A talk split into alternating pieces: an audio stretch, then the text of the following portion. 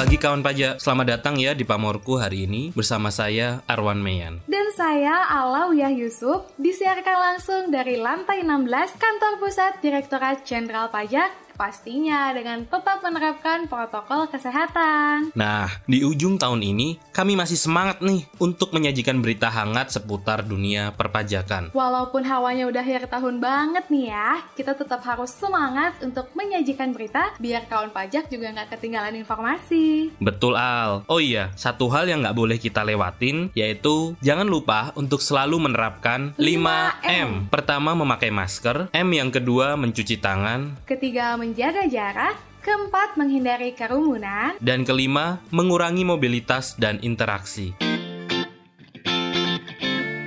Sebelumnya aku mau nanya dulu nih, kawan pajak tahu nggak sih kapan peringatan Hari Anti Korupsi Sedunia? Kamu tahu nggak Al? Hmm, kalau nggak salah tiap tanggal 9 Desember bukan ya? Bener banget. Sehubungan dengan momen peringatan Hari Anti Korupsi Sedunia atau Hakordia, Direktorat Jenderal Pajak menyelenggarakan kegiatan untuk memperingati Hakordia pada hari Kamis tanggal 2 Desember lalu. Dan dalam acara itu, Komisi Pemberantasan Korupsi mengungkapkan nih bahwa Direktorat Jenderal Pajak rawan dari tindakan korupsi seperti gratifikasi, pemerasan, dan suap menyuap, KPK bahkan meminta seluruh pegawai DJP dapat meningkatkan dan memelihara integritas. Ya tujuannya agar terhindar dari perilaku koruptif. Wah, pesan yang bagus banget ya. Kita semua sebagai pegawai DJP harus mampu menjaga integritas dan menghindari perilaku korupsi. Nah, dari pesan KPK tersebut, ada tanggapan nggak dari pihak DJP-nya, Wan? Ada dong. DJP berkomitmen untuk menekan tindakan korupsi di sektor perpajakan dengan meningkatkan integritas pegawai sambil menutup celah interaksi antara petugas dan wajib pajak. Nah, lalu implementasi yang sudah dilakukan DJP itu dalam bentuk program apa aja tuan? Jadi, upaya tersebut dilakukan melalui implementasi zona integritas menuju wilayah bebas korupsi atau WBK dan wilayah birokrasi dan bersih melayani atau WBBM serta melalui program public campaigns, whistleblowing system, dan knowing your employee, serta pengawasan pelaksanaan proses bisnis oleh atasan langsung. Mantap! Semoga dengan berbagai program ini, celah korupsi makin tertutup ya, dan semoga DJP mampu membangun sistem pencegahan korupsinya. Amin. Kita doakan sama-sama ya.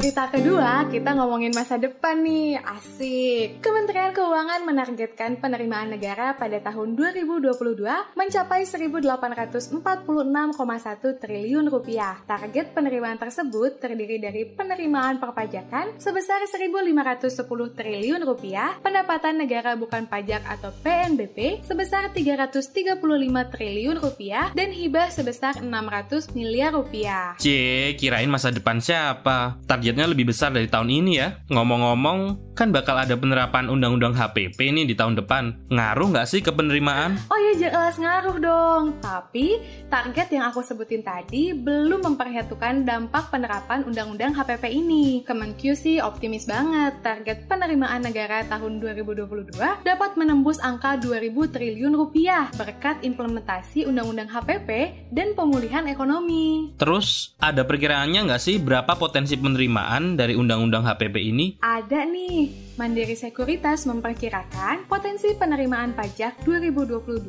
pada penerapan Undang-Undang HPP dapat mencapai 120 triliun rupiah atau 0,5 persen sampai dengan 0,7 persen dari pendapatan domestik bruto. Potensi penerimaan negara dari penerapan Undang-Undang HPP tersebut dinilai bisa membawa defisit APBN kembali ke angka di bawah 3 persen pada 2023. Semoga beneran bisa terwujud ya. Mantep banget nih. Semoga penerimaan pajak makin menguat ya, karena kalau pajak kuat, Indonesia maju.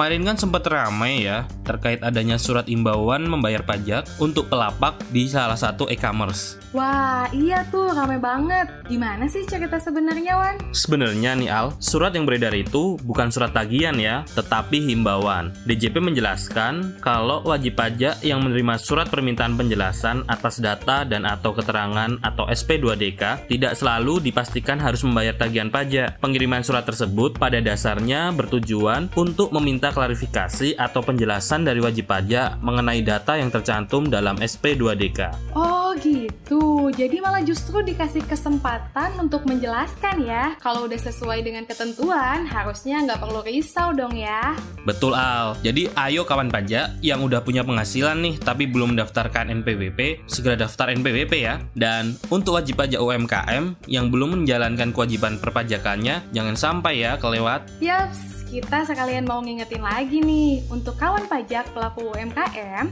dikenakan tarif final sebesar 0,5% dari penghasilan bruto. Tarif PPh tersebut hanya untuk pelapak yang punya penghasilan brutonya belum melebihi 4,8 miliar dalam satu tahun. Jika omsetnya melebihi 4,8 miliar per tahun, maka berlaku skema perhitungan secara normal. Siap Al, dicatat ya kawan pajak.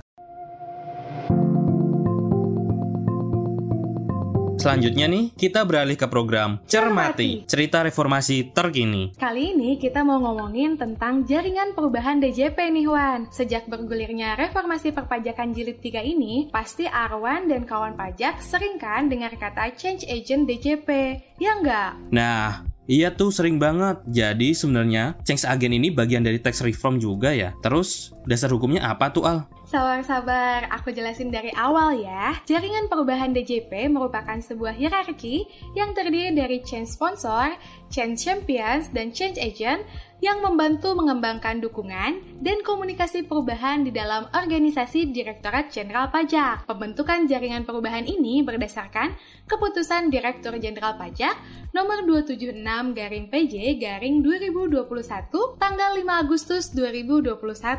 Nah, pasti tadi bingung kan, kok ada sponsor, champion, sama agent? Change sponsor adalah pejabat eselon 1 dan seluruh pejabat eselon 2 pada tiap kantor atau unit kerja di lingkungan DJP. Sedangkan change champion adalah seluruh pejabat eselon 3 pada tiap-tiap kantor atau unit kerja di lingkungan DJP. Dan change agent adalah pegawai DJP yang ditetapkan oleh Dirjen Pajak. Wah, keren ya. Mulai dari eselon 1 sampai para pelaksana di lingkungan DJP ini berperan ya dalam mengkomunikasikan perubahan organisasi kita. Lalu, bedanya apa aja nih di ketiga hierarki dalam jaringan perubahan itu. Betul banget. Dari hierarki paling atas sampai ke bawah, semuanya mempunyai peran dan tugas yang penting. Untuk change sponsor, yaitu Dirjen Pajak kita dan seluruh jajaran eselon 2-nya, berperan dan memiliki tugas sebagai pertama, pemimpin dan pendukung perubahan, kedua, menjadi panutan dalam perubahan, ketiga, menjadi pendorong terjadinya perubahan, keempat, memberikan arahan dan bimbingan kepada change champions dan change agent yang ada di wilayah kerjanya, lalu kelima, menyediakan sumber daya yang dibutuhkan dalam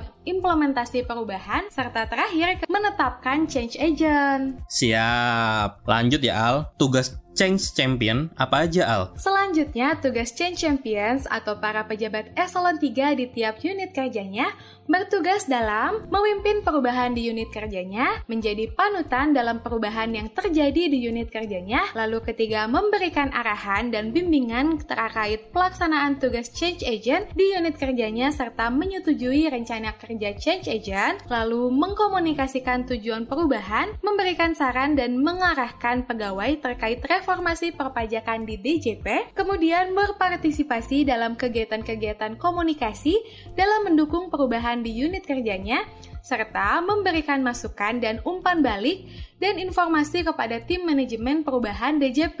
Nah, terakhir nih para pegawainya, change agent, tugasnya apa aja Al? Nah, para change agent ini memiliki tugas yang gak kalah pentingnya Wan, yaitu menyusun rencana kerja dan membuat laporan realisasi rencana kerja manajemen perubahan di unit kerjanya. Kedua, mengkomunikasikan kondisi terkini dan perkembangan proyek terkait reformasi perpajakan secara berkala di setiap kegiatan formal maupun informal di kantor, lalu ketiga menjadi fasilitator dalam memahami perubahan yang membantu pegawai di lingkungannya dalam memahami perubahan yang diinginkan, Keempat, membantu pegawai untuk meningkatkan pemahaman atas perubahan dan menjadi mediator antar kelompok untuk mewujudkan visi reformasi perpajakan. Dan terakhir kelima, memberikan masukan umpan balik dan informasi kepada tim manajemen perubahan DJP. Mantap, ternyata banyak banget ya peran change agen ini. Nah, Terus ada yang tanya nih Al, apa hubungannya jaringan perubahan DJP dengan reformasi perpajakan? Wah, Arwan dan kawan pajak belum peka nih ya. Jadi, salah satu perubahan yang sedang dijalankan DJP ini kan perubahan reformasi perpajakan nih. Nah, jaringan perubahan DJP ini diharapkan dapat menciptakan pemahaman dan rasa kepemilikan atas perubahan, khususnya dalam hal reformasi perpajakan di seluruh tingkatan jabatan sehingga organisasi dapat memastikan seluruh pegawai memiliki komitmen tinggi terhadap perubahan. Siap, jadi paham banget nih sekarang. Terima kasih ya Al untuk ceritanya dan terima kasih juga udah menemani saya siaran hari ini. Siap, sama-sama Arwan. Terima kasih juga kawan pajak yang sudah setia menantikan dan mendengarkan Pamorku sampai akhir. Jangan khawatir karena kita akan update berita pajak dan reformasi perpajakan setiap minggu melalui Pamorku, podcast berita kesayangan kita, kita semua. semua. Sampai, Sampai jumpa. jumpa.